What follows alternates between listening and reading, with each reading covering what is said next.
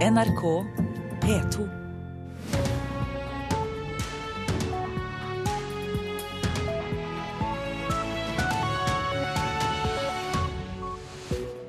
Velkommen skal du være til Nyhetsmorgen. I studio Øystein Heggen. Vi har disse sakene den nærmeste halvtimen.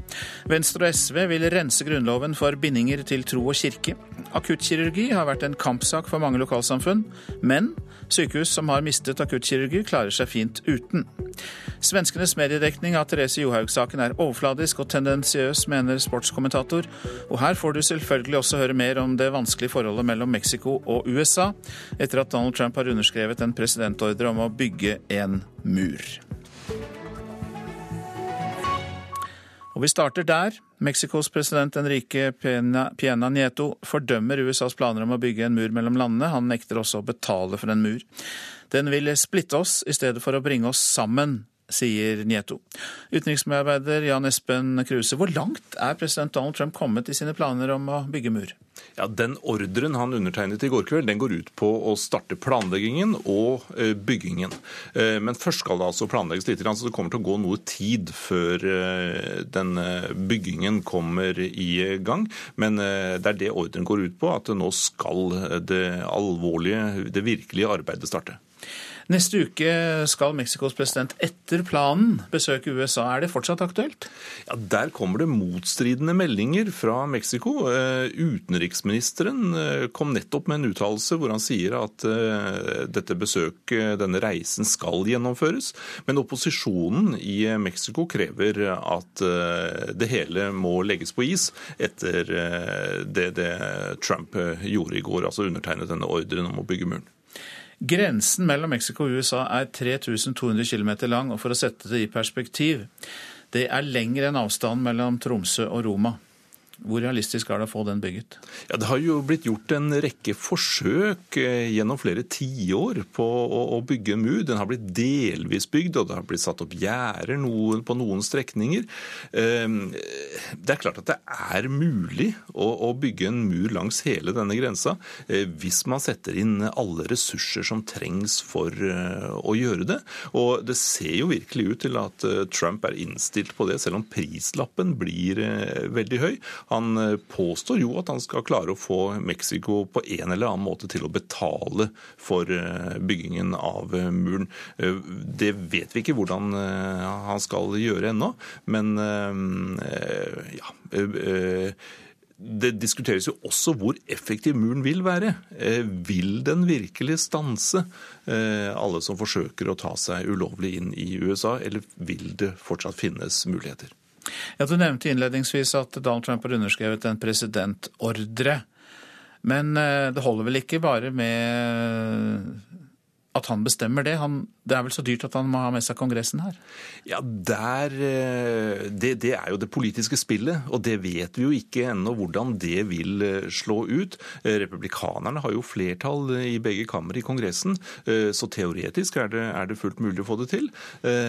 Men det kan hende det blir krangling rundt det. Han vil jo også ha 5000 nye grensevakter, og det må i hvert fall gjennom Kongressen Kongressen, for der er det snakk om ganske store utgifter, det òg. Eh, så, så, det kan ligge noen politiske slag fram i tid her.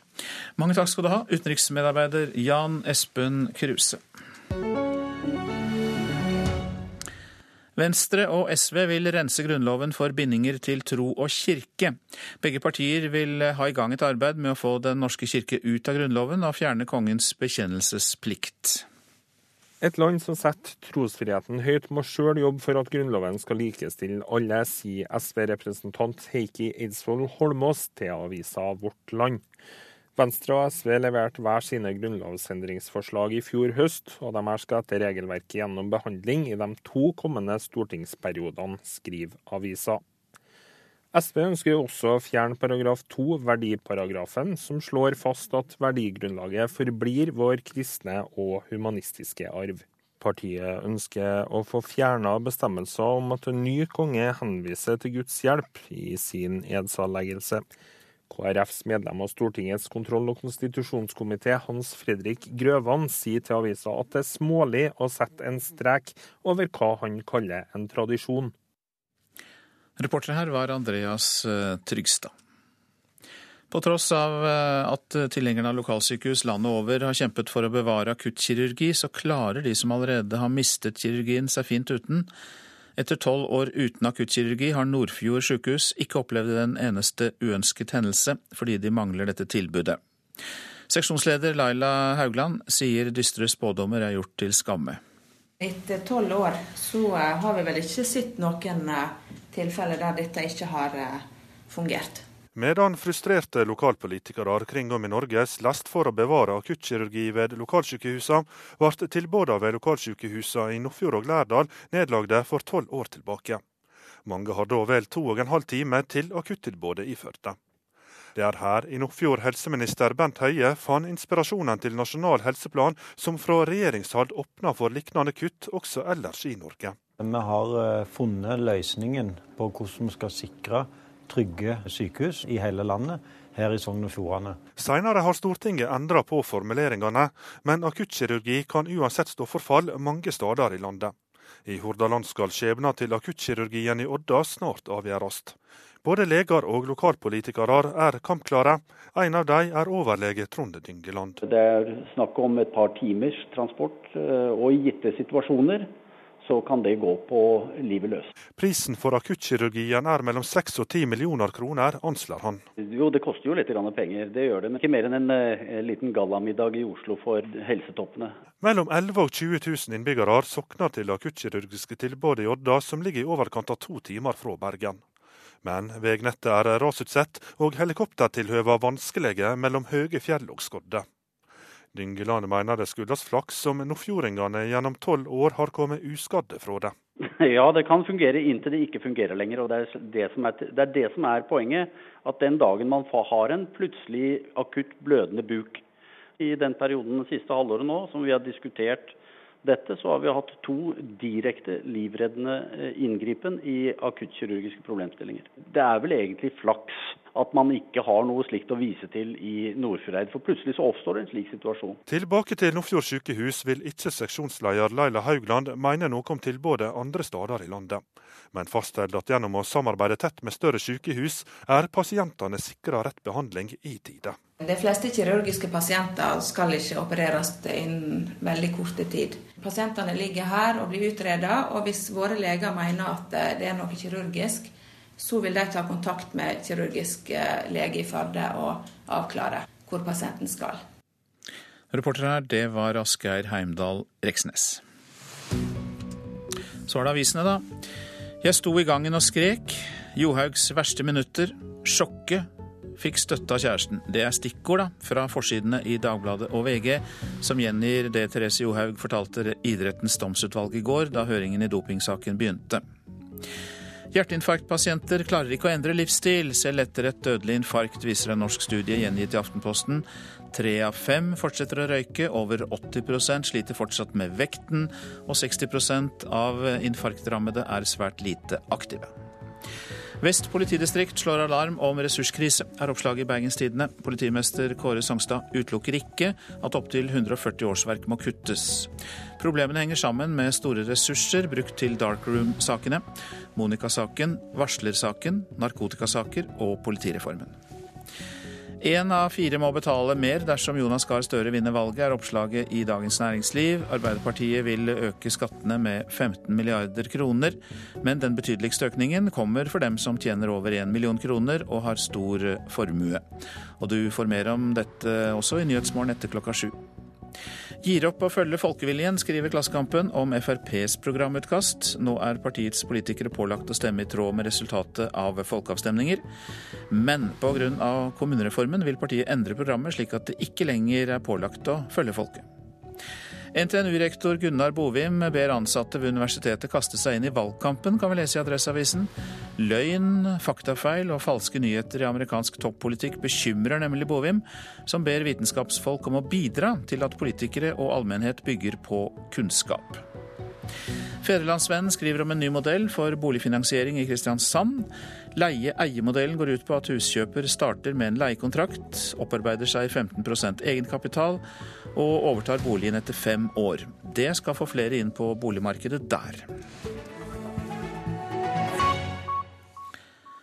Avaldsnes eh, idrettslag i Rogaland mister 1 million kroner i inntekter fordi de glemte å søke om momskompensasjon. Fotballklubben kom på andreplass i toppserien for kvinner i fjor, og tabben får konsekvenser for driften. Avaldsnes har klaget på dette, men pengene er trolig tapt. Ja, Dette er kjedelig, for vi strever for å få inn hver krone, så dette er kjedelig. Det sier styreleder Helge S. Gård i Avaldsnes idrettslag. Avaldsnes trodde de hadde søkt Lotteri- og stiftelsestilsynet innen fristen 1.9, men da pengene uteble, ble tabben oppdaga. Så vi har spurt underveis om den er sendt, og den var sendt, trodde en. Og så begynner vi å lete ut boksen, så er den ikke gått ut. Vet dere hva som har skjedd? Det vet vi ikke, om det er en teknisk ting, eller om våre ansatte er blitt forstyrra og rett og slett tror de har sendt den og ikke sendt den. Pga. søknadstabben går klubben glipp av rundt 1 million kroner i inntekter, og det får konsekvenser for driften, sier Gård. En million for oss er mye penger. Betyr det at dere kommer inn i den såkalte røde sonen til forbundet? Ja, den blir vanskelig å unngå. Det er Lotteri- og stiftelsestilsynet som behandler momskompensasjonssøknadene. Og vi har eh, beslutta å avvise den søknaden med bakgrunn i at de har søkt for seg. Det sier rådgiver Marianne Alværen Thorseth i Lotteri- og stiftelsestilsynet. Ifølge regelverket kan tilsynet behandle søknader som kommer inn etter søknadsfristen, men bare i særskilte tilfeller. Vi har nå eh, vurdert om det er spesielle hensyn, og har kommet fram til at Avaldsnes idrettslag ikke er i noen særstilling. Den avgjørelsen har Avaldsnes klaget på. 2015 var et år vi hadde store utgifter, store budsjetter. Vi håper å ikke miste den momskompensasjonen. Den er, den er vel så viktig som mange av våre sponsorer i størrelse. Styreleder Helge S. Gaard i Avaldsnes eh, idrettslag til reporter Gisle Jørgensen. Klokka er om et par sekunder kvart på sju. Dette er eh, hovedsaker. Donald Trump har underskrevet en presidentordre om å bygge en mur mot Mexico. Der fordømmer landets president Enrique Pena Nieto USAs planer. Han vil heller ikke betale for noen mur. Venstre og SV vil rense Grunnloven for bindinger til tro og kirke. Begge partier vil ha i gang et arbeid med å få henvisninger til Den norske kirke ut av Grunnloven, og i tillegg fjerne kongens bekjennelsesplikt. Akuttkirurgi har vært en kampsak for mange lokalsamfunn, men sykehus som har mistet akuttkirurgien, klarer seg fint uten. Vi har hørt at etter tolv år uten akuttkirurgi har Nordfjord sykehus ikke opplevd en eneste uønsket hendelse.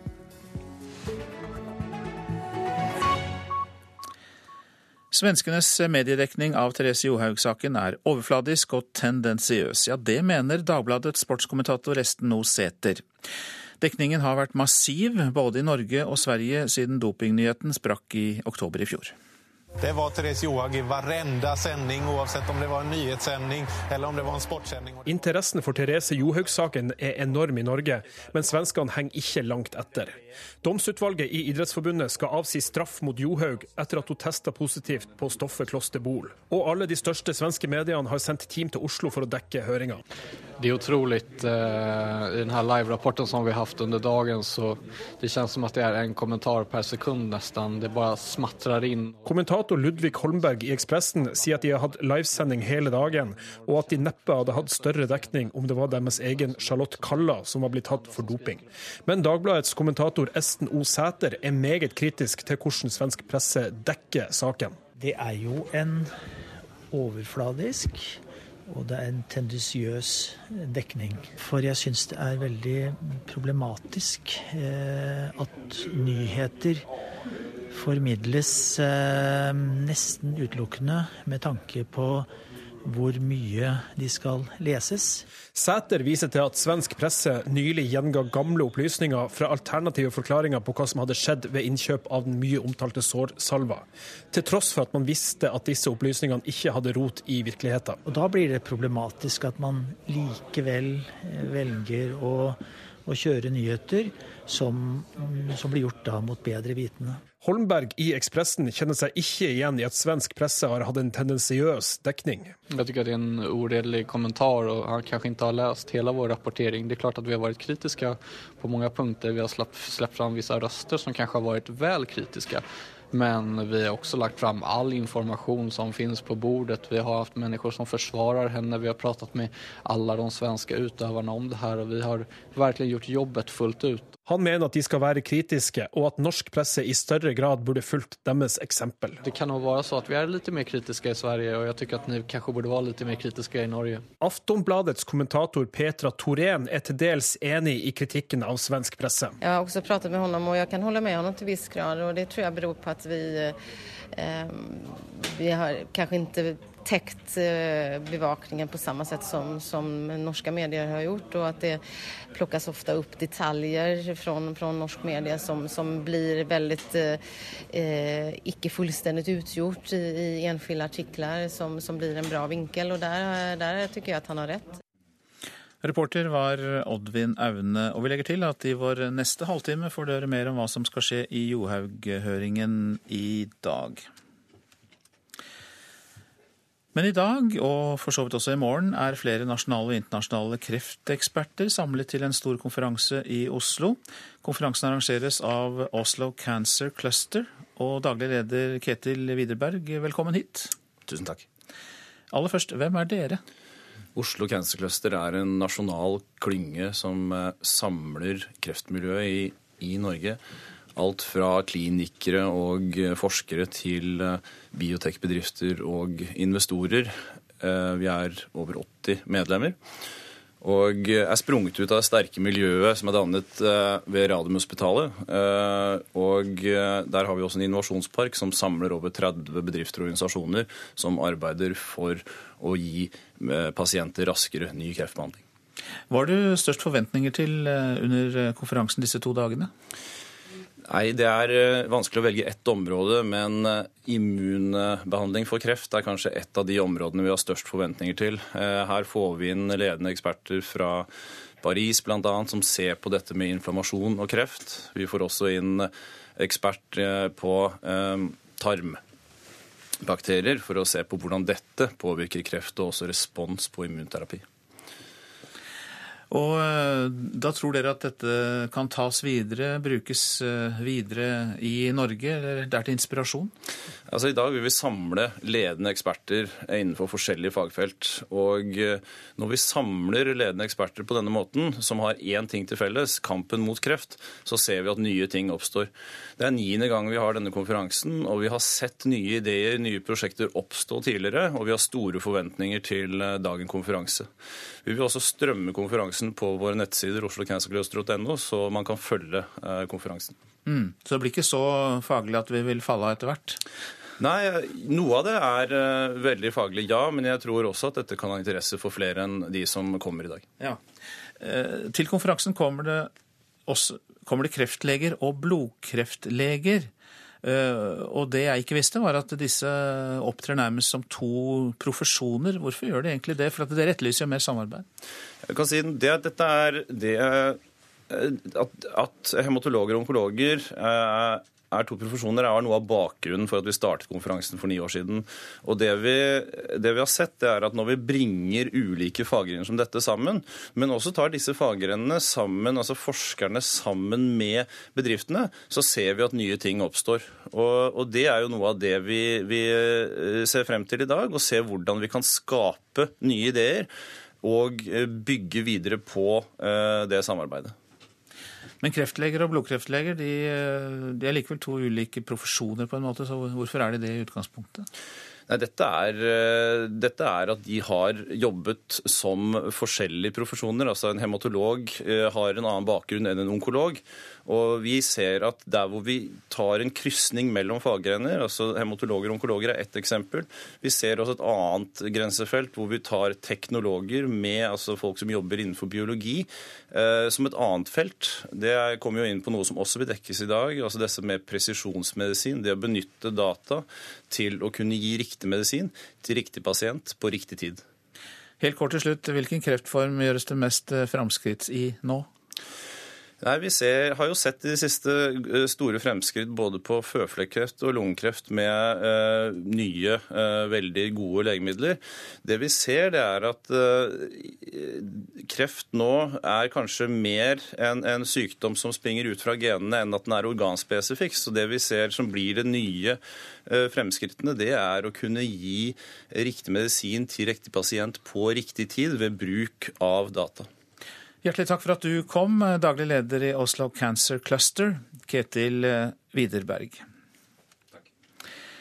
De senere år har det vært en kraftig økning i antall anmeldelser av overgrep mot barn, og ifølge Kripos får overgriperne ofte først kontakt med barna på nett og sosiale medier.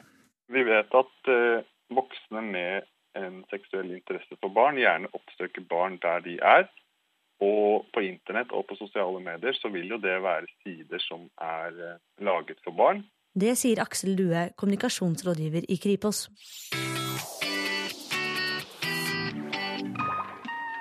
I går fortalte NRK at nettsidene Momio og Movistar Planet rapporterte inn 60 mulige seksuelle overgrep mot barn i fjor. Kripos mener det er store mørketall, og at problemene ikke begrenser seg til disse sidene. De siste årene har det vært en kraftig økning av antall anmeldelser av overgrep mot barn, og ifølge Kripos er det nettopp via spill og sosiale medier at kontakten mellom barn og overgriper ofte oppstår. Det er der det første møtet mellom overgriper og barn gjerne finner sted. Noen av disse sidene har moderatorer, og de sender tips til oss når de mistenker at voksne utgir seg for å være barn, eh, og prøver å lokke barna med seg over på andre kanaler som Skype og eh, Messenger. Redd Barna jobber daglig med barns trygghet på nett, og de er bekymret for måten overgriperne nå kommer i kontakt med barn. Hei, jeg skal til Kaja Hegg i Redd Barna, jeg. Ja. Sjette etasje. Takk. Det skjer jo fordi overgripere oppsøker de arenaene hvor barn og unge er. Og mange barn og unge er jo som kjent eh, mye i sosiale medier og bruker mange spill. Sånn at det er der barna er mye av tiden sin. Sier Kaja Hegg, rådgiver i Redd Barna. Men det er også noe med hvordan de er eh, tilgjengelige der, sammenlignet på andre arenaer. For barn og unge de er på mange kontaktflater. Uh, uten at uh, det er liksom oppfølging uh, fra voksne. Og Derfor så blir det jo mye mer tilgjengelig, både for, ja, for, andre som ønsker å komme i kontakt med dem. Opplever dere at foreldre er bekymret? Ja og nei. På den ene side så er nok mange klar over den faren. Samtidig så ja, sitter vi fra Redd Barna og sier kanskje at de er bekymret på litt feil måte. Man eh, gir formanende råd om at de skal holde seg unna fremmede og overgripere. Det har gått inn i hodene på barna. Men eh, de er ikke bekymret nok til å omsette det i sånn daglig oppfølging av barn på nett. Reporter Marie Sand Malm, og foreldre kan få råd om hvordan de skal hindre at overgripere får kontakt i Kulturnytt eh, sånn ca. kvart over åtte i dag. Siden Landsvik-arkivet etter andre verdenskrig ble åpnet for innsyn ved årsskiftet 2015, har mer enn 11 000 saker blitt åpnet. Noen av de som har reist til Riksarkivet i Oslo er forskere, men Erland Pettersen i Riksarkivet sier at de fleste leter etter informasjon om et familiemedlem. Det er gjerne eh, etterkommere etter personer som ble etterforsket for Landsvik eh, etter krigen, og som gjerne vil vite om hva, hva var det med bestefar, hva var det med tante? Eh, som man kanskje ikke har sagt så veldig mye om, man har hørt rykter. Men det kan også være folk som familiemedlemmer av personer som var på andre siden, eller ofre. Eh, hva var det med vedkommende som torturerte bestefar? Hvem var det? Siste stasjon, Sognsvann. Flere tusen mennesker har reist opp til Riksarkivet på Sognsvann i Oslo siden 2015 for å få utlevert grå pappbokser med svar. 11.867 saker er vurdert de to årene Landsvik-arkivet har vært åpent. Av de har mer enn 10 000 blitt utlevert i sin helhet. I litt over 1000 saker har det vært enkeltdokumenter som fortsatt er taushetsbelagt. Og det er ikke for uh, noe hemmelig om hva som skjedde under krigen, for der er alt i sin helhet fritt tilgjengelig. Men det, det gjelder som sagt altså, ja, Det kan være sensitive helseopplysninger, det kan være forhold knyttet til adopsjon, eh, barnevernet og lignende.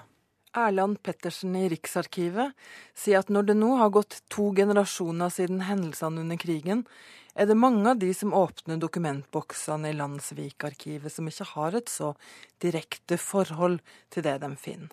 Veldig mange har nok en Kanskje i hvert fall hvis det har gått to generasjoner, ikke, altså, ikke har noe direkte forhold til det, kan ta det mer altså, akademisk. Altså oi, dette er interessant, nå lærer jeg noe. Men ja, det har vært personer som har kommet gråtende ut av lesesalen.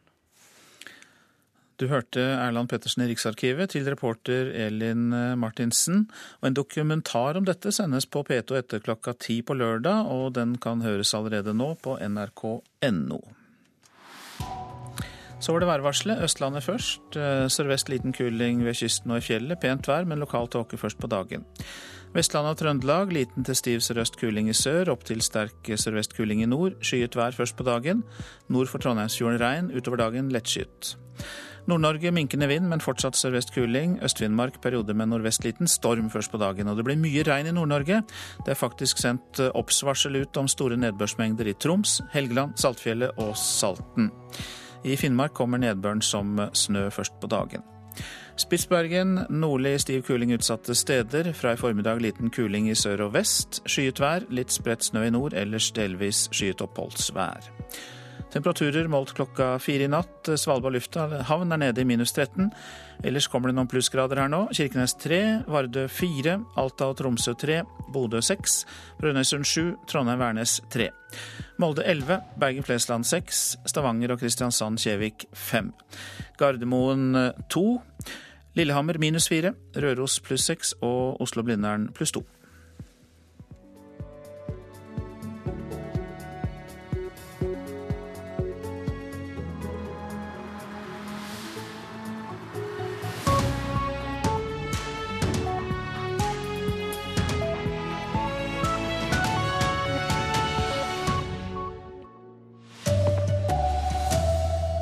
Legen som ga Therese Johaug leppekremen, skal i dag forklare seg i dopinghøringen. Venstre og SV vil fjerne bindingene til Kirken i Grunnloven. Her er NRK Dagsnytt klokka sju. Det har lenge vært et stort mysterium hvordan den erfarne landslagslegen Fredrik Bendiksen overså det forbudte stoffet klosterbol i leppekremen han ga til Therese Johaug. Antidoping Norge krever at langrennsløperen må utestenges i 14 måneder. Og I dag fortsetter høringen i saken, med bl.a. Bendiksens forklaring. Hva han sier blir helt avgjørende, mener VGs kommentator Leif Welhaven. Det dreier seg om det som fremstår som ulogiskheter i tidslinjen. Forklaringer på hvorfor han ikke kjøpte salven tidligere. Hvordan han kunne kjøpe denne kremen uten å da se merket. Hvordan han altså ikke all over. Hvordan altså en så anerkjent og respektert lege med det CV og det altså petimeterrenommeet åpenbart kunne agere så i strid med altså, egen atferd over lang tid. Det blir mer om hva som skjer i dagens høring i Johaug-saken i Nyhetsmorgen på P2 og Alltid nyheter rett etter Dagsnytt. I Bodø er flere titalls personer isolert i de to bygdene Skjærstad og Breivik etter et stort jordras. Raset har ødelagt deler av fv. 554, og det er ingen som får gå i området pga. fare for nye ras. Uvær har ført til flere ras og ulykker i de tre nordligste fylkene det siste døgnet. Venstre og SV vil ha slutt på bindingene som Grunnloven har til kirken. Begge partier vil nå sette i gang et arbeid med å få Den norske kirke ut av Grunnloven og fjerne kongens bekjennelsesplikt. Et land som setter trosfriheten høyt, må sjøl jobbe for at Grunnloven skal likestille alle, sier SV-representant Heikki Eidsvoll Holmås til avisa Vårt Land. Venstre og SV leverte hver sine grunnlovsendringsforslag i fjor høst, og de her skal etter regelverket gjennom behandling i de to kommende stortingsperiodene, skriver avisa. SV ønsker også å fjerne paragraf 2, verdiparagrafen, som slår fast at verdigrunnlaget forblir vår kristne og humanistiske arv. Partiet ønsker å få fjerna bestemmelser om at en ny konge henviser til Guds hjelp i sin edsavleggelse.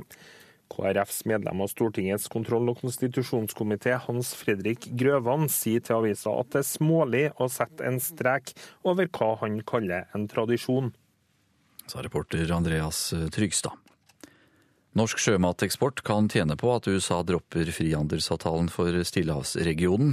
Hovedkonkurrentene til norsk sjømat er særlig produkter fra Chile, men også fra USA og Canada. TPP-avtalen kunne gitt dem tollfri eksportadgang, skriver Dagens Næringsliv.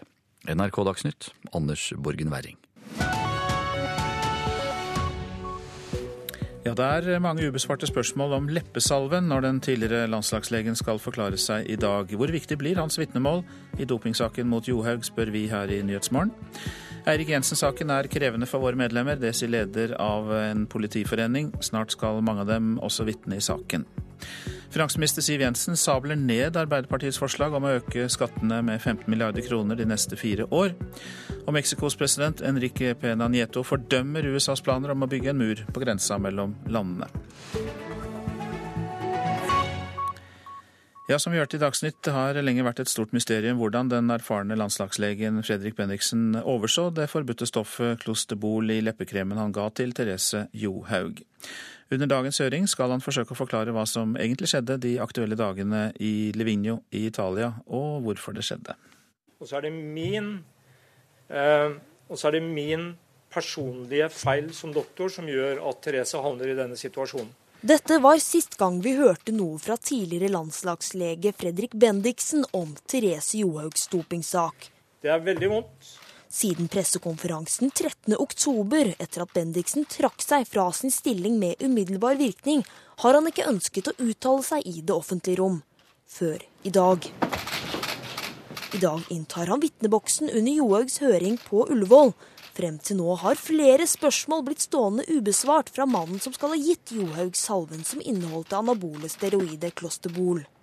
Dette er spørsmål VGs kommentator Leif Welhaven mener vil bli helt avgjørende i Johaug-saken. Det dreier seg om eh, det som fremstår som ulogiskheter i tidslinjen. Forklaringer på hvorfor han ikke kjøpte salven tidligere. Hvordan han kunne kjøpe denne kremen uten å da se merket. Hvordan han altså ikke reagerte på ordet bol i slutten av virkestoffet klosterbol. Om hvordan eh, han da åpenbart ikke har blitt ekstra oppmerksom på eh, at han faktisk var på et apotek i utlandet, som er ganske velkjent at det er altså en, en risikofaktor. Og egentlig sånn all over hvordan altså en så anerkjent og respektert lege med det CV og det altså petimeterrenommeet åpenbart kunne agere så i strid med altså, egen atferd over lang tid. I likhet med Welhaven mener idrettsjurist Gunnar Martin kjenner at det er noen hull i Bendiksens forklaring. I tillegg til at det, er, eh, det står Bol som, altså for anabole steroider på pakningen, så var det også dette forbudsmerket som vi har vært inne på tidligere. At han skulle overse begge disse, det, det er jo merkelig. Eh, så vi, vi ser med spenning frem til hans forklaring hvordan han kunne overse dette. Antidoping Norge og Johaug er enige om de faktiske hendelsene rundt hvordan hun fikk i seg det ulovlige stoffet.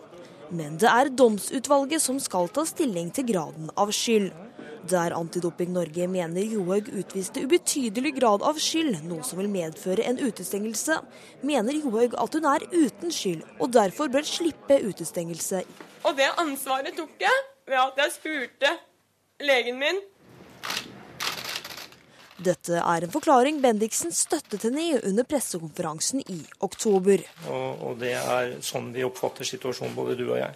Men over tre måneder etter denne pressekonferansen vet vi fremdeles ikke helt hvordan denne situasjonen henger sammen. Hvordan kunne en erfaren landslagslege overse et dopingmerke og et anabolt steroid? Det er disse spørsmålene Bendiksen etter all sannsynlighet må besvare i dag sa reporter Marte Nyløkken eh, Helseth. Reportasjeleder i NRK Sport, eh, Hanne Marie Brevik, velkommen til deg. Takk og takk. I innslaget så hørte vi at det er veldig mange spørsmål knyttet til hvorfor denne skjebnesvangre leppesalven ble kjøpt inn. Hva er du mest spent på å få svar på? Det er jo akkurat de her detaljene rundt hva som skjedde da Bendiksen kom ned til Livigno 1.9., møtte Therese Johaug, så på leppene, og så gikk det altså fire dager. 4.9. fikk hun trofoderminsalva. Eh, hva skjedde den første? Det er jo greit nok, for så vidt. Men hva skjedde den andre? Det er da karakterisert som døgnet som forsvant. Den tredje fikk hun en eh, salve fordi han kjøpte to på apoteket den 3.9.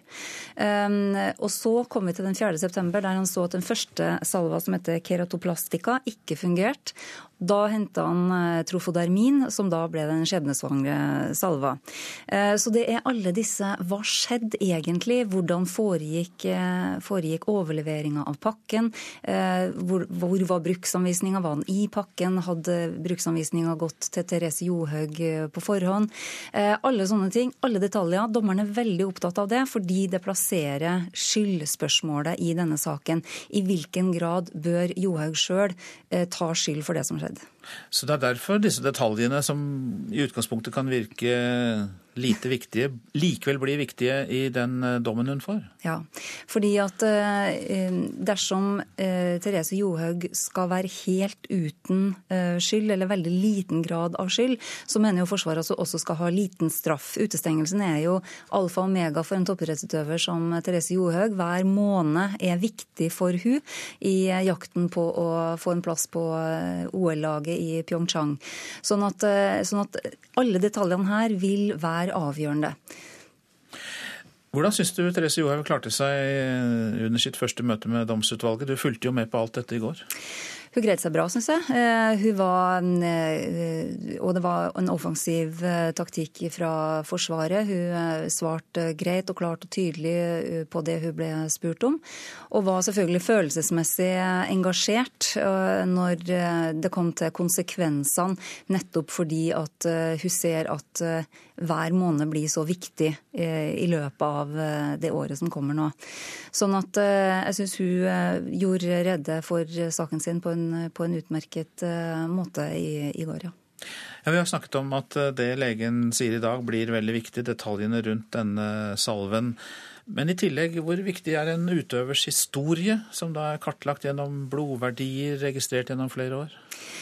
Eh, i, i, saken til Therese Johaug her, så er det, eh, det det er ingen som tviler på at hun er en ren utøver. Eh, og, og Forsvaret har jo, har jo lagt fram mange bevis på det. Eh, det finnes jo et eh, blodpass, det finnes et steroidepass. Det finnes eh, mange dokumenter som tyder på at Therese Johaug ikke har noe fortid som, som, som mistenkelig utøver. Overhodet ikke. Sånn at i dag vil jo også Marit Bjørgens vitnemål være viktig, for hun skal jo være et karaktervitne som forteller noen ting om hvor opptatt kanskje Therese Johaug er av antidoping, hvor, hvor viktig hun syns det er og, og hva slags verdier hun har, holdninger til dette arbeidet. Um, så i tillegg, og I tillegg vil jo da eh, også Marit Bjørgen brukes som Forsvarets vitne for å fortelle hvor viktig og sentral eh, lege Fredrik Bendiksen tross alt er i det, i det, laget. At han tar mye av ansvaret for alt eh, det medisinske i landslaget. Takk for at du kom til Nyhetsmorgen, reportasjeleder Hanne Marie Brevik i NRK Sport. Arbeiderpartiet vil øke skattene med 15 milliarder kroner de neste fire år, og de som tjener og eier mest, må ut med mest. Hvis de vinner valget, reverserer partiet dermed en del skattelette som de borgerlige har innført. Finansminister Siv Jensen eh, kaller Arbeiderpartiets forslag en knyttneve mot norske eiere som nå må betale 5 milliarder i mer skatt med Arbeiderpartiets opplegg. Og det er en knyttneve mot helt vanlige folk når Arbeiderpartiet foreslår å skjerpe avgiftene med 5 milliarder kroner. Men helt vanlige folk, definert som de som tjener under 600 000 kroner, vil få mindre å betale i inntektsskatt, mens de som tjener over en million og har store formuer, må betale betydelig mer. Her er finanspolitisk talsperson i Arbeiderpartiet, Marianne Martinsen. Så Vi har jo før stortingsvalgene både i 2005, 2009 og 2013 avklart skattenivået, og vi mente at det var riktig å gjøre det denne gangen også. Eh, det vi nå går til valg på, er en moderat skatteøkning som til sammen utgjør ca. 15 milliarder kroner. Og hvor rundt halvparten av det kommer til å bli betalt av de som har mye fra før, de med aller høyest inntekter, eh, og de med store formuer. Men for en del bedrifter så blir det en skatteskjerpelse. Hvordan kan dere forsvare det i de nedgangstidene vi er inne i? Så det å bruke formuesskatten for å skape mer aktivitet er veldig lite treffsikkert. Halvparten av de som betaler formuesskatt er pensjonister, og vi unner pensjonister alt mulig godt. Men det å prioritere skattekutt til denne gruppa for å få mer arbeidsplasser, eh, det er i hvert fall lite treffsikkert. Eh, vi har et eh, skatteforlik om bedriftsbeskatning som vi skal følge opp. og Der senker vi beskatninga for selskaper. Vi senker selskapsskattesatsen. Det går rett på bunnlinja i bedriftene og betyr noe for viljen til å investere i norske bedrifter. Siv Jensen syns ikke overraskende at dette er en veldig dårlig idé, spesielt overfor norskeid næringsliv. Og Fremskrittspartiets leder tror ikke det stopper der. Men det stopper jo ikke der. De skal jo samarbeide med SV og MDG som både vil innføre boligskatt og skjerpe drivstoffavgiftene med fem kroner over natten. Så her er det enten å holde veldig godt fast i lommeboka si, eller tenke veldig grundig over hva man stemmer til høsten. Reportere Linda Reinholdsen og Line Tomter. Og for å se dette i perspektiv, velkommen til deg, politisk kommentator Magnus Takvam. Eh, et forslag altså om 15 milliarder kroner i skatteøkning. Er det overraskende? Vi har jo ventet veldig lenge på en eh, avklaring om hva Arbeiderpartiet vil gå til valg på når det gjelder skattepolitikken. Noen vil kanskje si at 15 milliarder er overraskende høyt, men hvis vi bryter ned beløpet, så har jo Arbeiderpartiets alternative budsjetter eh, vist at man kunne regne med en skatteøkning på eh, ca. 12 milliarder bare ut fra å lese dem. Og så har man da altså eh, en del andre ting som f.eks. denne finansskatten som skal økes. Og man velger også å øke såkalte klima- eh, og miljøavgifter med ca. 3 milliarder, engangsavgiften på bil osv. for å få skatteinntekter.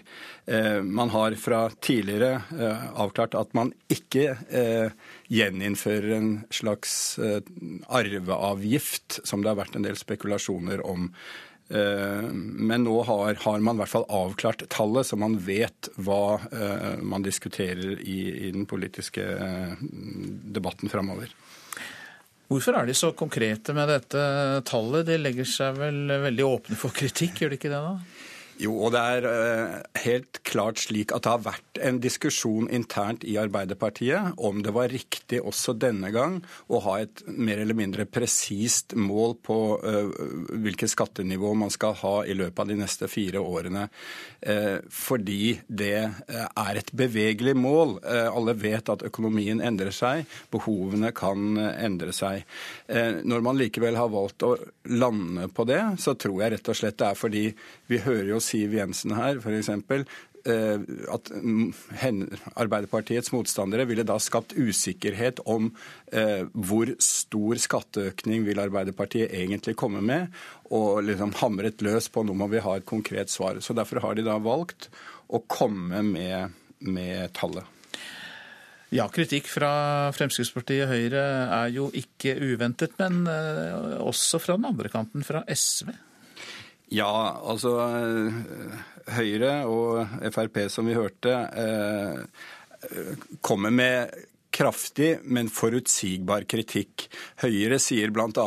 at denne skatteøkningen på 15 milliarder ikke er nok til å finansiere alle de løftene Arbeiderpartiet har strødd om seg med i, i det siste, som beløper seg ifølge dem til 25-30 milliarder. Det samme regnestykket fikk vi for noen måneder siden fra Høyre, så det, det, er, det er, kjente toner. Eh, så kommer da, som du sier, SV fra den andre kanten og kaller dette høyrepolitikk fra Arbeiderpartiet. Da tror jeg Arbeiderpartiet selv mener de har funnet liksom balansen godt.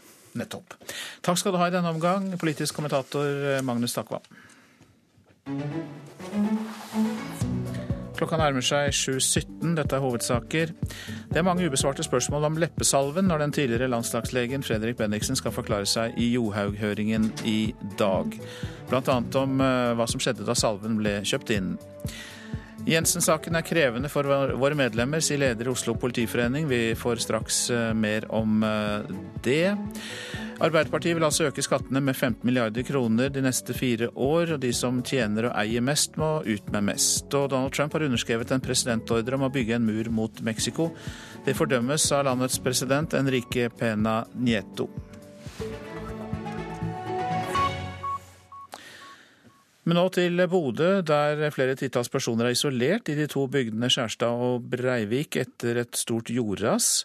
Raset har ødelagt deler av fv. 554, og mange barn kommer seg ikke på skolen i dag. Og det forteller en av de rammede om, Hanne Liland. For oss på Skjærstad så er vi bokstavelig talt isolert. Det er den eneste veien ut herifra. Vi bor jo da en times kjøring fra Bodø, eh, men Skjærstad er kommunedel i Bodø, og vi er ei bygd med skole for mange andre bygder. og dette her er veien til skoleelevene, så de kommer seg ikke på skolen, mange av de. Ja, For deg og familien din, har du noe Hvordan blir denne dagen hvis, hvis raset ikke blir rydda? Ja, nei, det er ikke noe. Vi får ikke panikk. Vi må bare holde oss i ro. Vi får krysse fingrene for at ingen har vært i det området. Og veldig bra at raset har gått natterstid.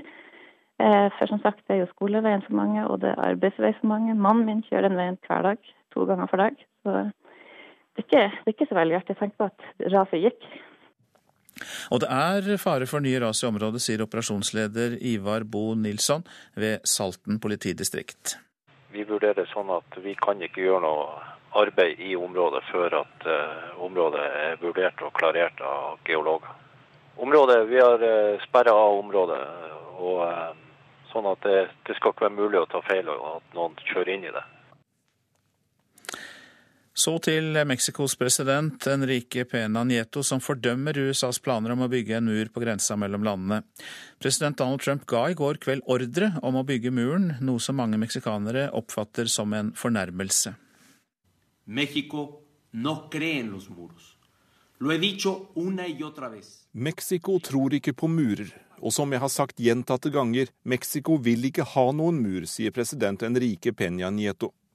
Avgjørelsen om å bygge muren har ført til raseri i Mexico, og mange mener at presidenten har kjørt en for myk linje overfor planene til president Trump. Men nå er Nieto klar i sine uttalelser. Lamento y repruebo la decisión de Estados Unidos jeg beklager og fordømmer USAs avgjørelse om å fortsette å bygge muren som i årevis har splittet oss istedenfor å forene oss, understreket den meksikanske presidenten. Det er uklart om Nieto vil gjennomføre det planlagte møtet med president Trump i Det hvite hus neste uke, men den meksikanske utenriksministeren sier at det vil gå som planlagt. Det var i går Trump skrev under på en ordre som slår fast at arbeidet med å bygge den omstridte muren langs grensa mot Mexico skal starte. We're in the middle of a crisis on our southern border. The unprecedented surge of illegal migrants from Central America is harming both Mexico and the United States, and I believe the steps we will take, starting right now, will improve the safety in both of our countries. Going to be very, very good for Mexico. Vi er midt i en krise på vår grense i sør. Strømmen av ulovlige migranter fra Sentral-Amerika skader både Mexico og USA. Jeg tror at skrittene vi nå tar vil bedre sikkerheten i begge våre land. Det vil bli veldig bra for Mexico, sa president Trump. USAs grense mot Mexico er 3200 km lang, og Trump har tidligere anslått at muren vil få en prislapp på om lag 100 milliarder kroner. Eksperter anslår det dobbelte. På den meksikanske siden av grensa er folk sinte. Cuestión del muro no va a ayudar mucho. Al contrario, pone barreras para México y Estados Unidos. Muren vil ikke hjelpe mye. Tvert imot, den vil bli en barriere mellom Mexico og USA. Folk i Mexico arbeider hardt, og jeg tror at meksikanernes arbeid er nødvendig for USA, sier Irma Molina. En Wisconsin, en Illinois, pues no conocen la frontera y no están conscientes i delstater som Wisconsin og Illinois har folk aldri sett grensa. De vet ikke at det allerede er en mur der, men jeg har sett den i 40-50 år, sier Gilberto Fimbres. Og alt tyder nå på at muren kommer til å bli enda lengre og mer solid. Den amerikanske presidenten ønsker også å ansette 5000 nye vakter som skal patruljere grensa mot Mexico. Sa reporter Jan Espen Kruse. Saken mot Eirik Jensen er krevende for våre medlemmer. Det sier leder i Oslo politiforening Kristin Aga. I de kommende ukene skal en rekke politifolk vitne i saken mot den korrupsjonstiltalte politimannen. Og dette berører veldig mange av våre medlemmer, sier Aga. Det som er helt klart, er at dette er en, en veldig krevende sak også for medlemmene våre. Det som er viktig å huske på, er at denne saken handler om veldig mange og berører veldig mange av våre medlemmer. Veldig mange av våre medlemmer skal inn og vitne i saken etter hvert. Eh, mange skal være aktoratvitner, mange skal være vitner til forsvarer. Eh, og her er det mange som vi prøver å ivareta. Da er retten satt. Så langt i rettssaken mot Erik Jensen og Gjermund Cappelen er det Jensen som har forklart seg. Men i tiden fremover skal mange tidligere politikollegaer også i vitneboksen. Sjefer som politiinspektør Einar Aas og visepolitimester Sveinung Sponheim, men også andre politifolk. Betjenter, etterforskere og spanere. Oslo-politiet sier i en kommentar at hver enkelt leder har ansvar for å ivareta sine ansatte hvis det er behov, også i denne saken. Og Aga opplever at arbeidsgiver her har tatt grep, noe fagforeningen har vært opptatt av. Og Det kan jo være bare det at man får noen føringer for hva det er som er innafor. Altså hva er taushetsbelagt og hva er ikke. At, at, det må ikke den enkelte kollegaer som står i retten og skal gjøre sin borgerplikt og vitneplikt, de må ikke oppleve at de er usikre på om at man kan uttale seg om noe eller, eller ikke. De avklaringene arbeidsgiver har gjort på forhånd. Og Det har vi vært opptatt av, for det vil helt klart være med på å gjøre at man tar bort litt av belastninga med det å skal, skal vitne, eh, gjør at den, den belastninga vil kunne reduseres. da. Saker som denne kan føre med seg dilemmaer for politifolk som skal vitne. Det sier Brita Bjørklo, førsteamanuensis ved Politihøgskolen.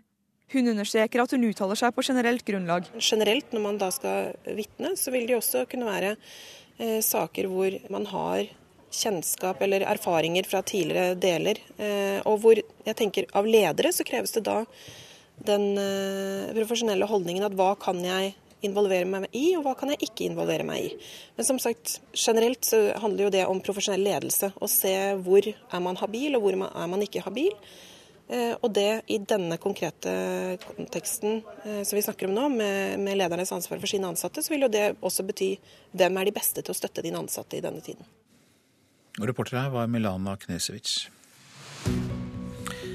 Så til avisene. Vest politidistrikt slår alarm om ressurskrise, er oppslaget i Bergens Tidende. Politimester Kåre Sangstad utelukker ikke at opptil 140 årsverk må kuttes. Problemene henger sammen med store ressurser brukt til dark room-sakene, Monica-saken, varslersaken, narkotikasaker og politireformen.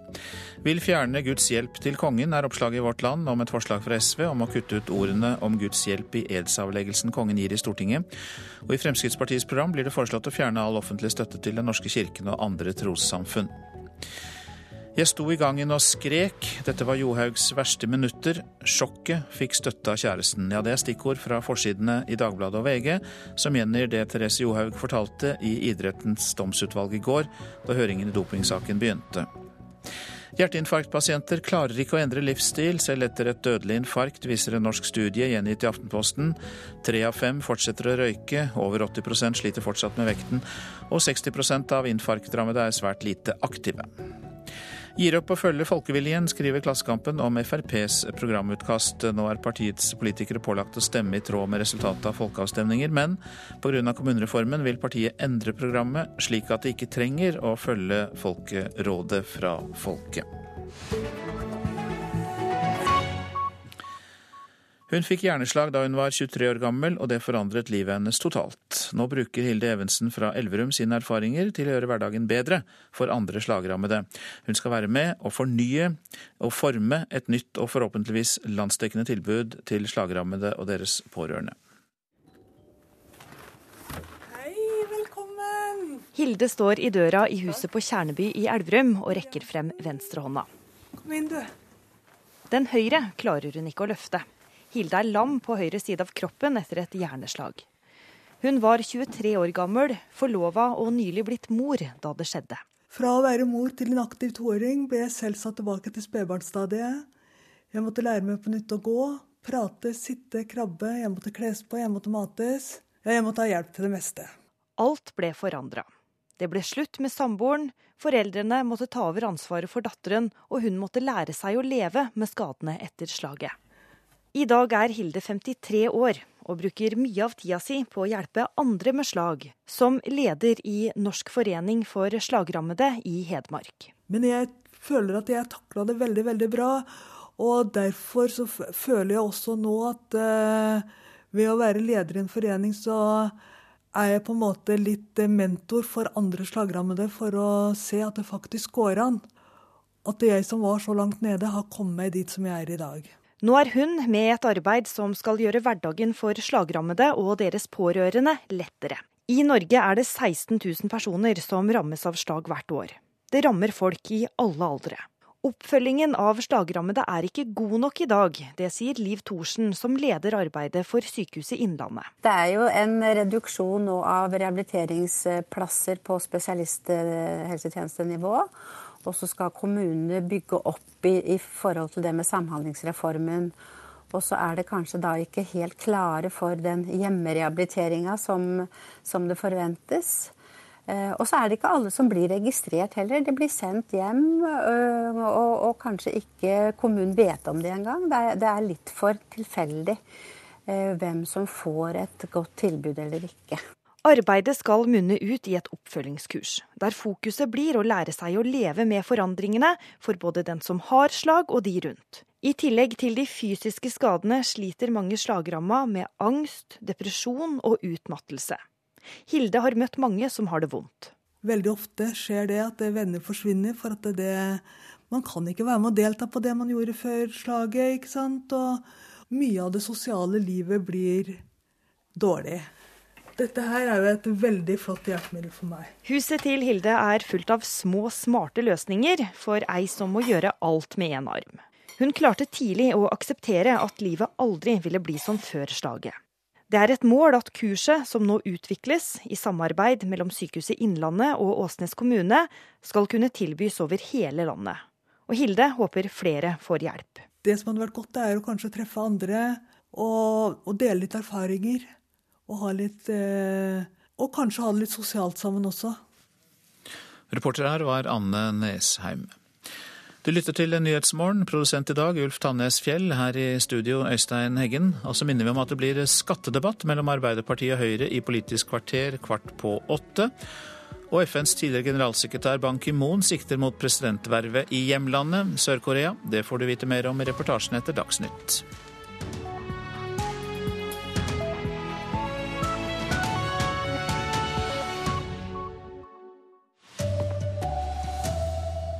Hvordan kunne legen til Therese Johaug overse det forbudte stoffet i leppekremen? I dag kan vi få svaret. Skolebarn må bli hjemme. To bygder i Nordland er isolert pga. ras. Presidenten i Mexico nekter å ta regninga for muren til Trump. Her er NRK Dagsnytt, klokka er 7.30. Det har lenge vært et eh, stort mysterium hvordan den erfarne landslagslegen Fredrik Bendiksen overså det forbudte stoffet klostebol i leppekremen eh, han ga til Therese Johaug. Antidoping Norge har lagt ned påstand om 14 måneders utestengelse for langrennsløperen.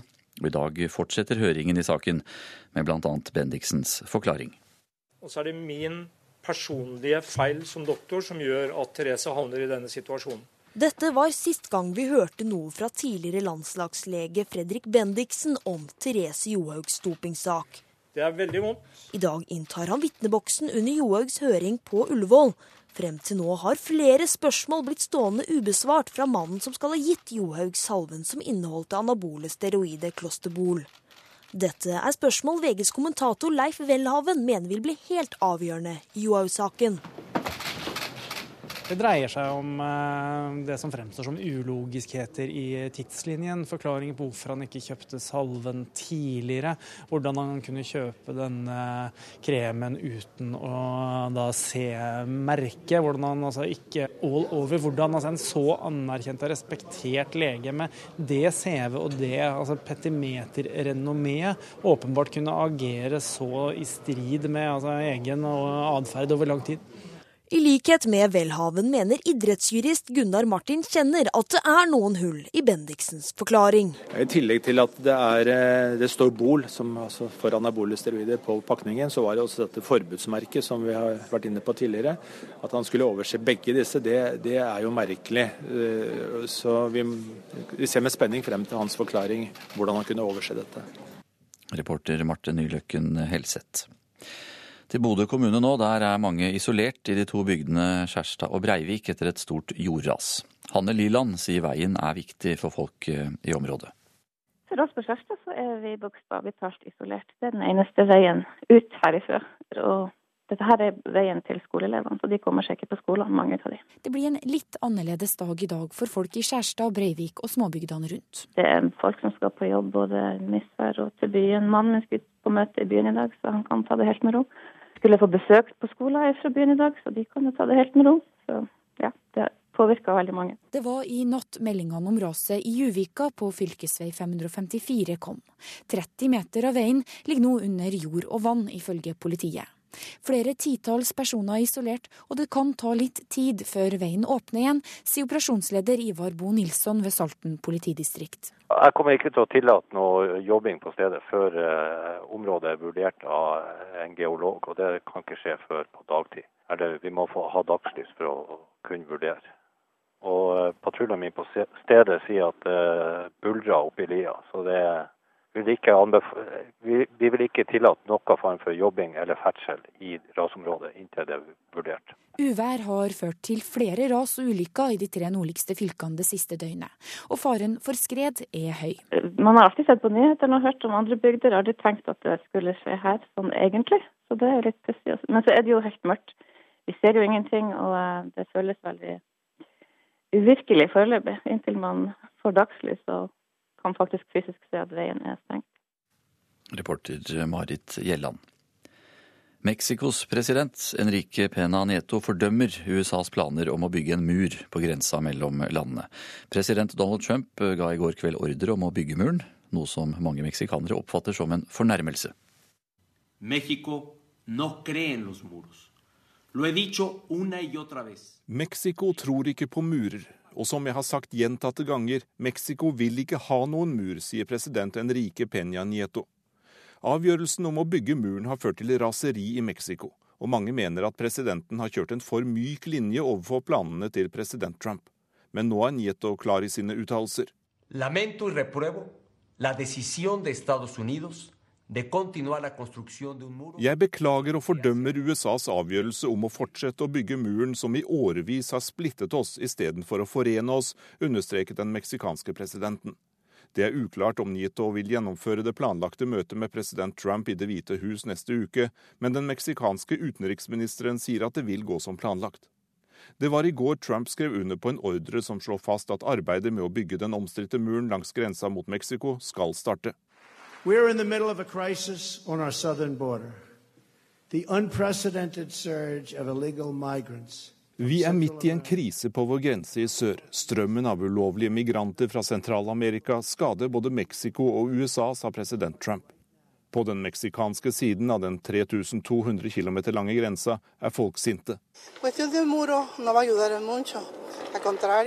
Muren vil bli en barriere mellom Mexico og USA. Folk i Mexico arbeider hardt, og jeg tror at meksikanernes arbeid er nødvendig også for USA, sier Irma Molina. Det sa reporter Jan Espen Kruse. Over hele landet kjemper lokalsykehus for å beholde tilbudet om akuttkirurgi, men de som allerede har mistet tilbudet, mener de klarer seg fint uten.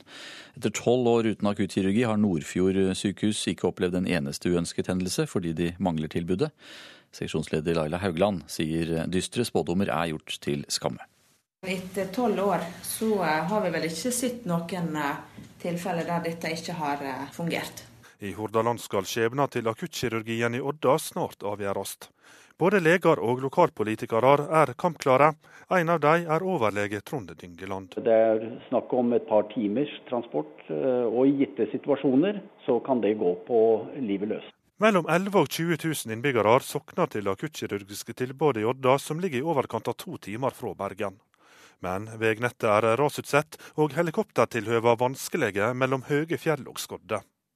Dyngeland mener det skyldes flaks som nordfjordingene gjennom tolv år har kommet uskadde fra det. Ja, det kan fungere inntil det ikke fungerer lenger. og det er det, er, det er det som er poenget.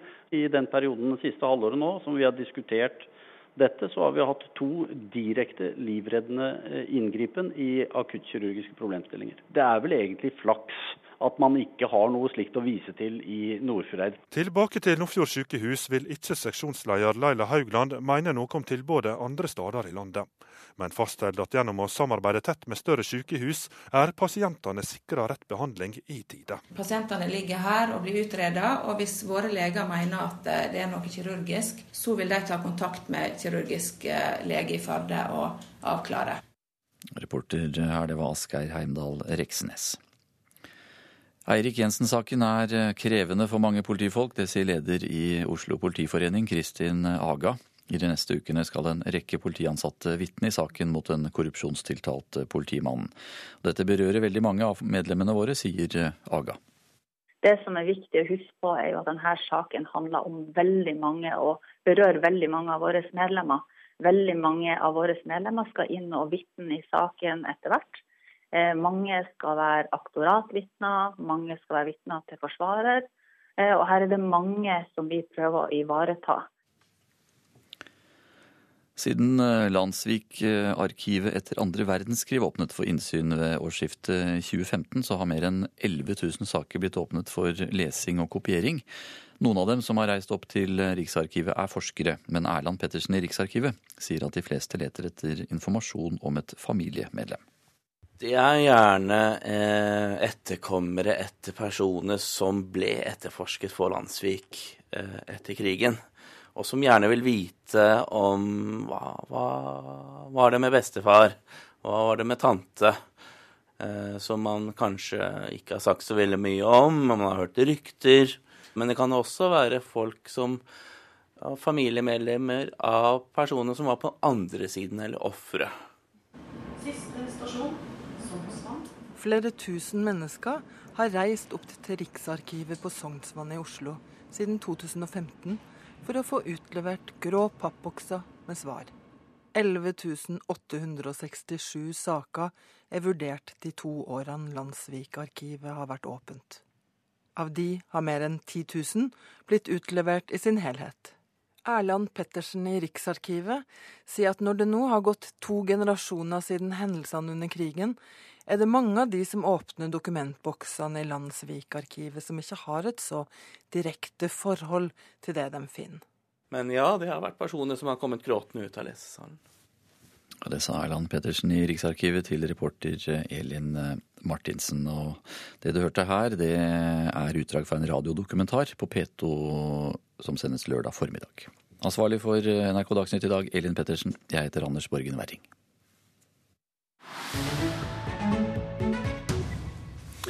Og dette er eh, Nyhetsmorgen. Det har ikke bare vært maktskifte i Det hvite hus denne måneden, det har også vært det i FNs hovedkvarter på Manhattan. Antonio Guterres fra Portugal har tatt over som FNs generalsekretær etter sørkoreaneren Ban Ki-moon. Men hva gjør en tidligere generalsekretær når han flytter hjem igjen? Ban Ki-moon ble tatt imot som en helt, ja nesten som en popstjerne, da han landet i Sør-Korea etter ti års tjeneste som FNs generalsekretær. Fanklubben knipset bilder og jublet mens de viftet med håndskrevne plakater der det sto 'Takk for at du har vist verden hva sørkoreansk klasse er', og 'Ban Ki-moon, redd landet vårt'. 저는 그동안 귀국후 nå som jeg er hjemme igjen, får jeg muligheten til å lytte til det folk har å si, sier Ban Ki-moon. Med et ydmykt hjerte kommer jeg til å ta en uselvisk beslutning. Det vil ikke ta lang tid, lover han sine tilhengere. Beslutningen han snakker om gjelder hans politiske fremtid. Om han har tenkt å stille som presidentkandidat hvis Sør-Koreas nåværende president Park blir tvunget til å gå av pga. en korrupsjonsskandale. Som FN-topp var han vant til privatsjåfør, men Ban Ki-moon tok T-banen hjem fra flyplassen den dagen han kom til Seoul. Han ble riktignok gjort narr av på sosiale medier da han forsøkte å stikke to pengesedler inn i billettautomaten samtidig, men likevel. Om 72-åringen foreløpig ikke vil kommentere eventuelle presidentambisjoner, så oppfører han seg som en kandidat. Han poserer sammen med babyer, besøker gamlehjem og hedrer nasjonale helter, blant dem seks avdøde presidenter, på æreskirkegården i hovedstaden.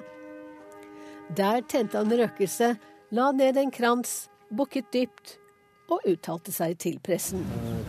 Dette besøket for å ære patriotiske martyrer og falne soldater motiverer meg til å styrke min beslutning om å bidra til utviklingen av republikken Korea, sa han. ikke akkurat en helt klar og utvetydig erklæring, men med forbehold om at noe kan ha gått tapt i oversettelsen, ett skritt nærmere. Ban Ki-moon var karrierediplomaten som var sørkoreansk utenriksminister før han ble FNs generalsekretær. Men i den hjemlige politikken er han et ubeskrevet blad. Han har ennå ikke knyttet seg til et politisk parti, han beskriver seg selv som en progressiv konservativ. Kritikerne beskylder ham for å være verken det ene eller det andre, og mener at han bare drøyer tiden til han finner nok politiske støttespillere i ett av de eksisterende partiene, eller til han har mange nok med seg til å danne et nytt parti. Korrupsjonsanklager mot Bans bror og en nevø kan stikke kjepper i hjulene for hans politiske planer. Amerikanske myndigheter har bedt Sør-Korea pågripe broren, som er leder for et entreprenørselskap som skal ha betalt en halv million dollar i bestikkelser i Vietnam. Dette har ikke Ban Ki-moon visst noe om, sier hans talsmann. Meningsmålingene gir ham en andreplass blant de mulige presidentkandidatene hvis president Park må trekke seg og det blir nyvalg. Jeg tror Ban kan gjøre store ting for landet vårt hvis han stiller som president. Han er jo en mester i diplomati, sier Kwan Yong-jong i Ban Ki-moon-fanklubb til nyhetsbyrået Reuters. Og det var utenriksmedarbeider Wenche Eriksen som hadde laget eh, reportasjen. Dette er hovedsaker i Nyhetsmorgen. Det er mange ubesvarte spørsmål som må besvares når den tidligere landslagslegen Fredrik Bendiksen skal forklare seg i Johaug-høringen i dag. Han må bl.a. forklare hvordan han kunne overse det forbudte stoffet i leppekremen han ga til Therese Johaug. Mexicos president Enrique Pena Nieto fordømmer USAs planer om å bygge en mur på grensa mellom landene. President Donald Trump ga i går kveld ordre om å bygge muren, noe som mange meksikanere oppfatter som en fornærmelse. I Bodø er beboerne i bygdene Skjærstad og Breivik isolert etter et jordras. Det har ødelagt deler av fylkesveien, og mange barn kommer seg ikke på skolen i dag. Og siden Landsvikarkivet etter andre verdenskrig ble åpnet for innsyn ved årsskiftet 2015, har mer enn 11 000 saker blitt åpnet for lesing og kopiering. Nå er det Politisk kvarter, og det er ved Bjørn Myklebust.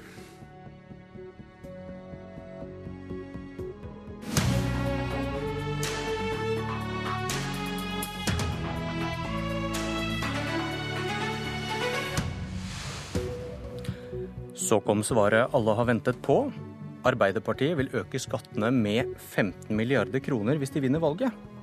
Da dukker det opp et nytt spørsmål. Kan man vinne valget i Norge med å ville øke skattene med 15 milliarder kroner? Velkommen til Politisk kvarter, Marianne Martinsen, finanspolitisk talskvinne i Arbeiderpartiet. Takk skal du ha. Du må vente sju måneder med å få svar på det siste spørsmål der. Men, men dere, dere, dere, prøver da Dere selger dere inn nå med at alle som tjener under 600 000 kroner, får skattelette med eh, deres opplegg. Det er særlig de som tjener over en million som skal betale mer. Partileder Støre sier til Dagens Næringsliv de fleste vil få lik skatt eller lavere skatt. Hvordan ser det regnestykket ut hvis du tar med de fem milliardene i økte avgifter dere foreslår? Altså, for det første så eh, har vi nå ved de siste korsveiene avklart et skattenivå. Vi gjorde det før stortingsvalget i 2005, vi gjorde det før stortingsvalget i 2009, før stortingsvalget i 2013, og vi gjør det nå før stortingsvalget i 2017.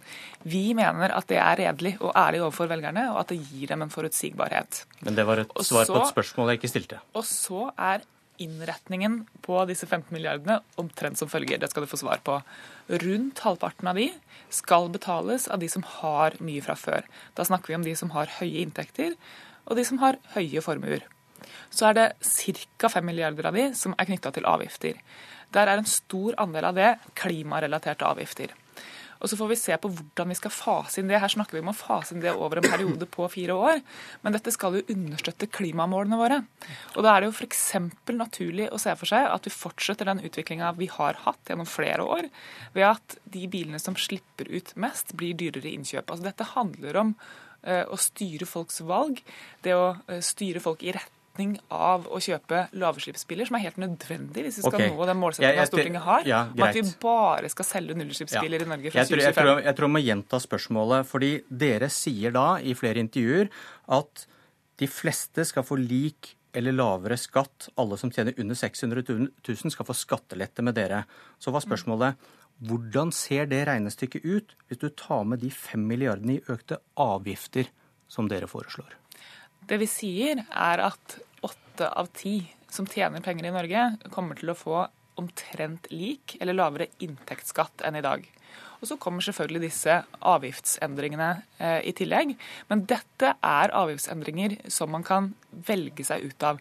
Man kan velge å kjøpe en bil som ikke får høyere avgift. Eh, man kan velge eh, å ikke eh, handle på nett. Vi ønsker en stimulering i retning av å handle i norske butikker. Men at vi har et avgiftsfritak på netthandel som er en direkte konkurranseulempe for norske butikker, det gjør at vi mister arbeidsplasser, er disse, et veldig dårlig bidrag til økonomien. Men disse avgiftene de rammer da likt uansett hva du tjener. og Dere må kanskje være litt forsiktige med å framstille det som om alle med moderate og lave inntekter kommer ut i pluss med deres opplegg. For det kan dere ikke regne ut nå. Da, da, må vi vite disse avgiftene først. Jo, men Da må vi se på hvordan vi skal bruke disse pengene samla sett. Det vi har sett med denne regjeringa som har sittet nå gjennom den siste stortingsperioden, det er jo at vi for det første har fått avgiftsskjerpelser, til tross for at de gikk på valg på at, på at avgiftene skulle ned. Vi endte opp med 3,3 milliarder i pluss. Men svar på det som var spørsmålet. Så langt.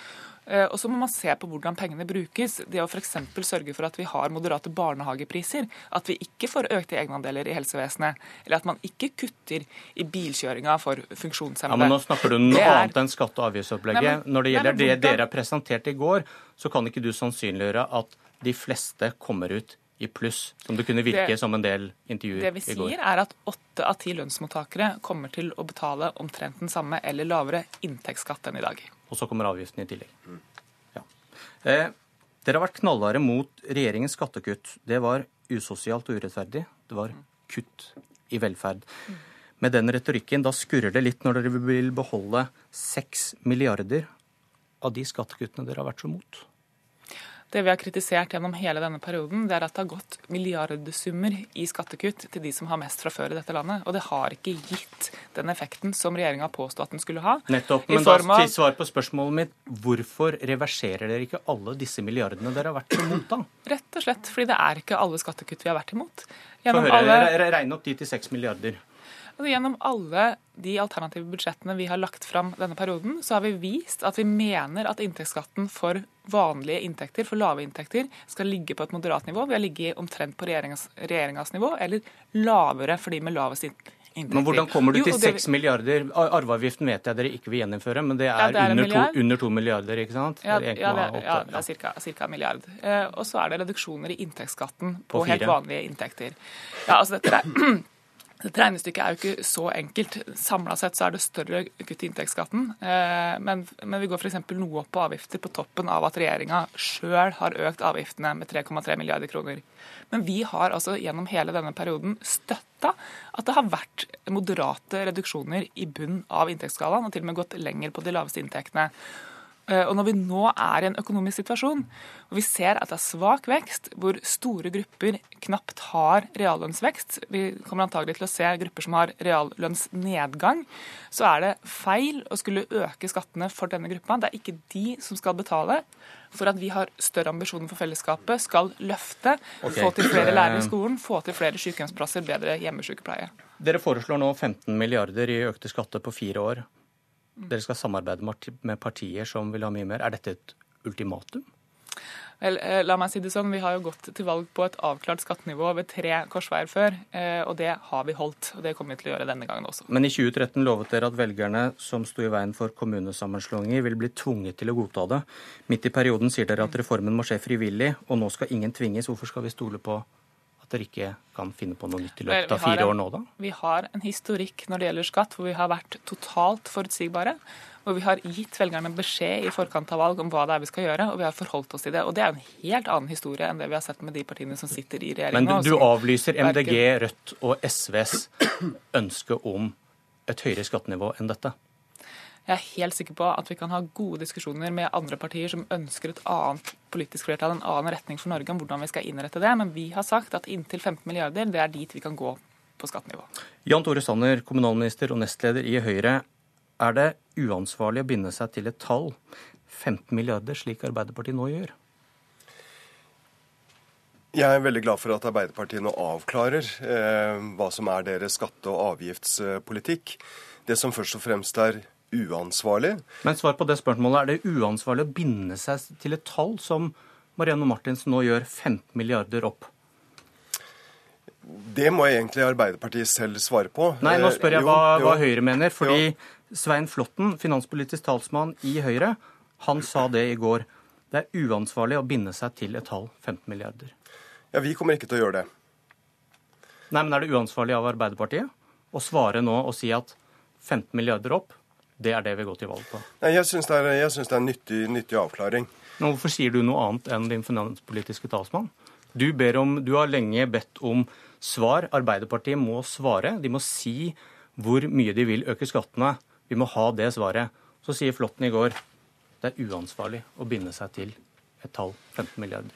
Ja, jeg, har Jeg får det ikke til å gå i hop, skjønner du. Jo, men jeg har tidligere bedt Arbeiderpartiet avklare. Det har de nå gjort. Og det er jeg glad for at de har gjort. Men Flåtten sier du er uansvarlig. Ja, men jeg sier at det er bra. Ok. Eh, Regjeringshøyre er uenig med stortingshøyre der, altså. Jo, jeg, jeg syns det er bra at Arbeiderpartiet har avklart. Eh, Det, vi, det vi ser nå, det er at eh, de foreslår en kraftig avgiftssmell som vil ramme helt vanlige inntektsmottakere.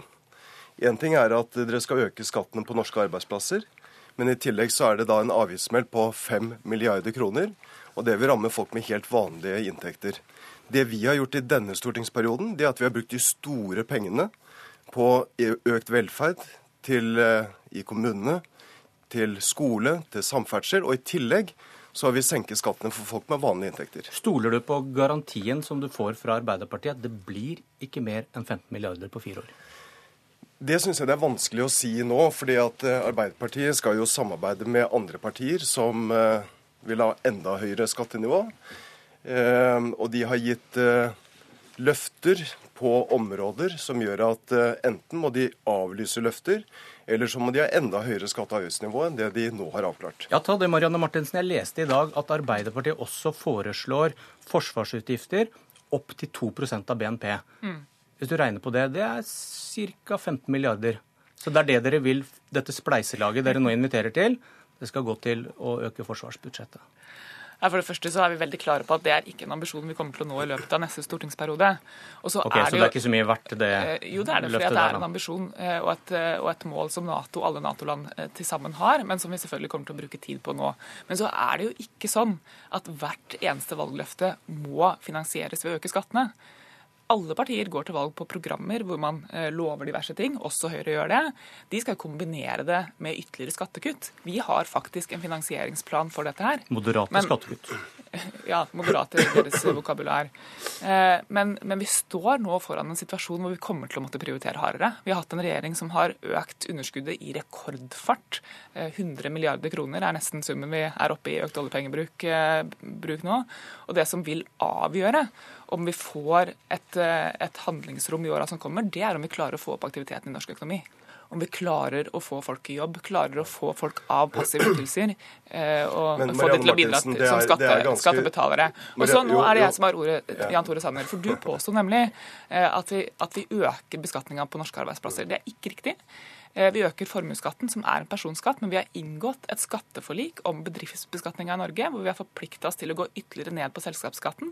Og regjeringas egne rapporter om Marianne- hva som skal Marianne til for å øke investeringsnivået i arbeidsplasser, du, sier at det er Marianne det som er Martinsen, effektivt. Du la vekt på at vi nå er i en krevende økonomisk situasjon.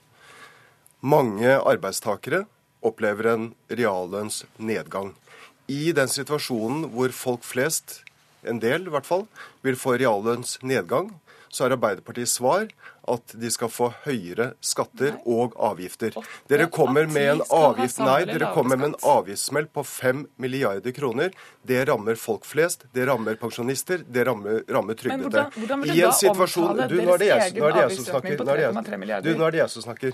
Eh, På de avgiftene vi har økt, har vi da kompensert med lavere avgifter og lavere skatter på andre områder. Det er forskjellen mellom eh, den rød-grønne siden og de borgerlige partiene.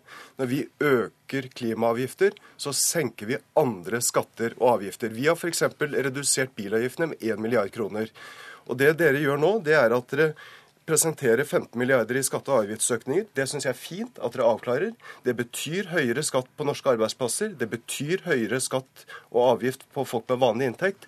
Det vi har gjort i vår periode, det er at vi har brukt de store pengene på velferd i kommunene, på skole, på samferdsel, og i tillegg har vi redusert skatter og avgifter. Det har vært viktig i den økonomiske situasjonen vi nå er i. Men jeg tror det var få Høyre-velgere som forventa en avgiftsøkning på 3,3 milliarder den gangen dere ble stemt inn i regjeringskontorene. Og det ville jo være nyttig for velgerne om det også kom en avklaring fra Høyre. De gir jo ingen svar på hva deres utsagn om moderate skattekutt egentlig betyr for noe. Jeg kan gi en garanti. Jeg kan gi deg én garanti at der Arbeiderpartiet nå lover 15 milliarder i høyere skatter og avgifter, så skal ikke vi ha en krone i økte skatter og avgifter. Nei, det er en viktig Hvor mye skal dere øke underskuddene med for å få det til? Jo, det kan vi forvente viktig, nye poseavgifter? Nye Det er en viktig avklaring for velgerne. Vi skal ikke ha en krone i økte skatter og avgifter. Dere lover 15 milliarder kroner. Og så er det feil når du sier Og så er det feil når du sier at eh, vi ikke har gått til valg også på høyere klimaavgifter.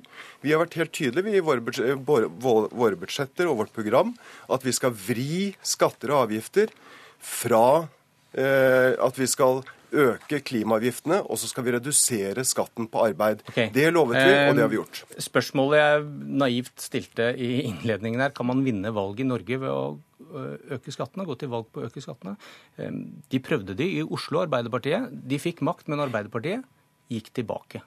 Ehm, hva slags vurderinger har dere gjort her, Martinsen? Så Vi har jo lagt fram alternative budsjetter hele perioden, vi. Eh, hvor vi har synliggjort at vi ønsker et høyere ambisjonsnivå. Så dette er veldig gjenkjennelig Arbeiderpartipolitikk. Og jeg tror våre velgere ville ha syntes at det var eh, rart om vi nå hadde sagt at eh, etter alle disse årene med Eh, store skattekutt til de som har aller mest fra før, så skal vi bare fortsette den linja.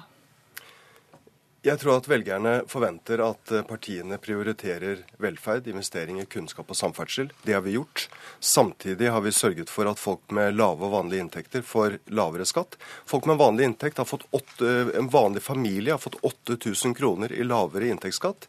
Det har vært viktig i den økonomiske situasjonen vi nå er. Og så må vi sørge for at vi også senker skatten på norske arbeidsplasser. Vi må okay. sørge for at det blir lønnsomt å investere i trygge arbeidsplasser i Norge. Mange tall i dag. Fasiten får vi ved valget om sju måneder. Takk, Jan Tore Sanner og Marianne Martensen. Dette var Politisk kvarter, og jeg heter Bjørn Myklebust.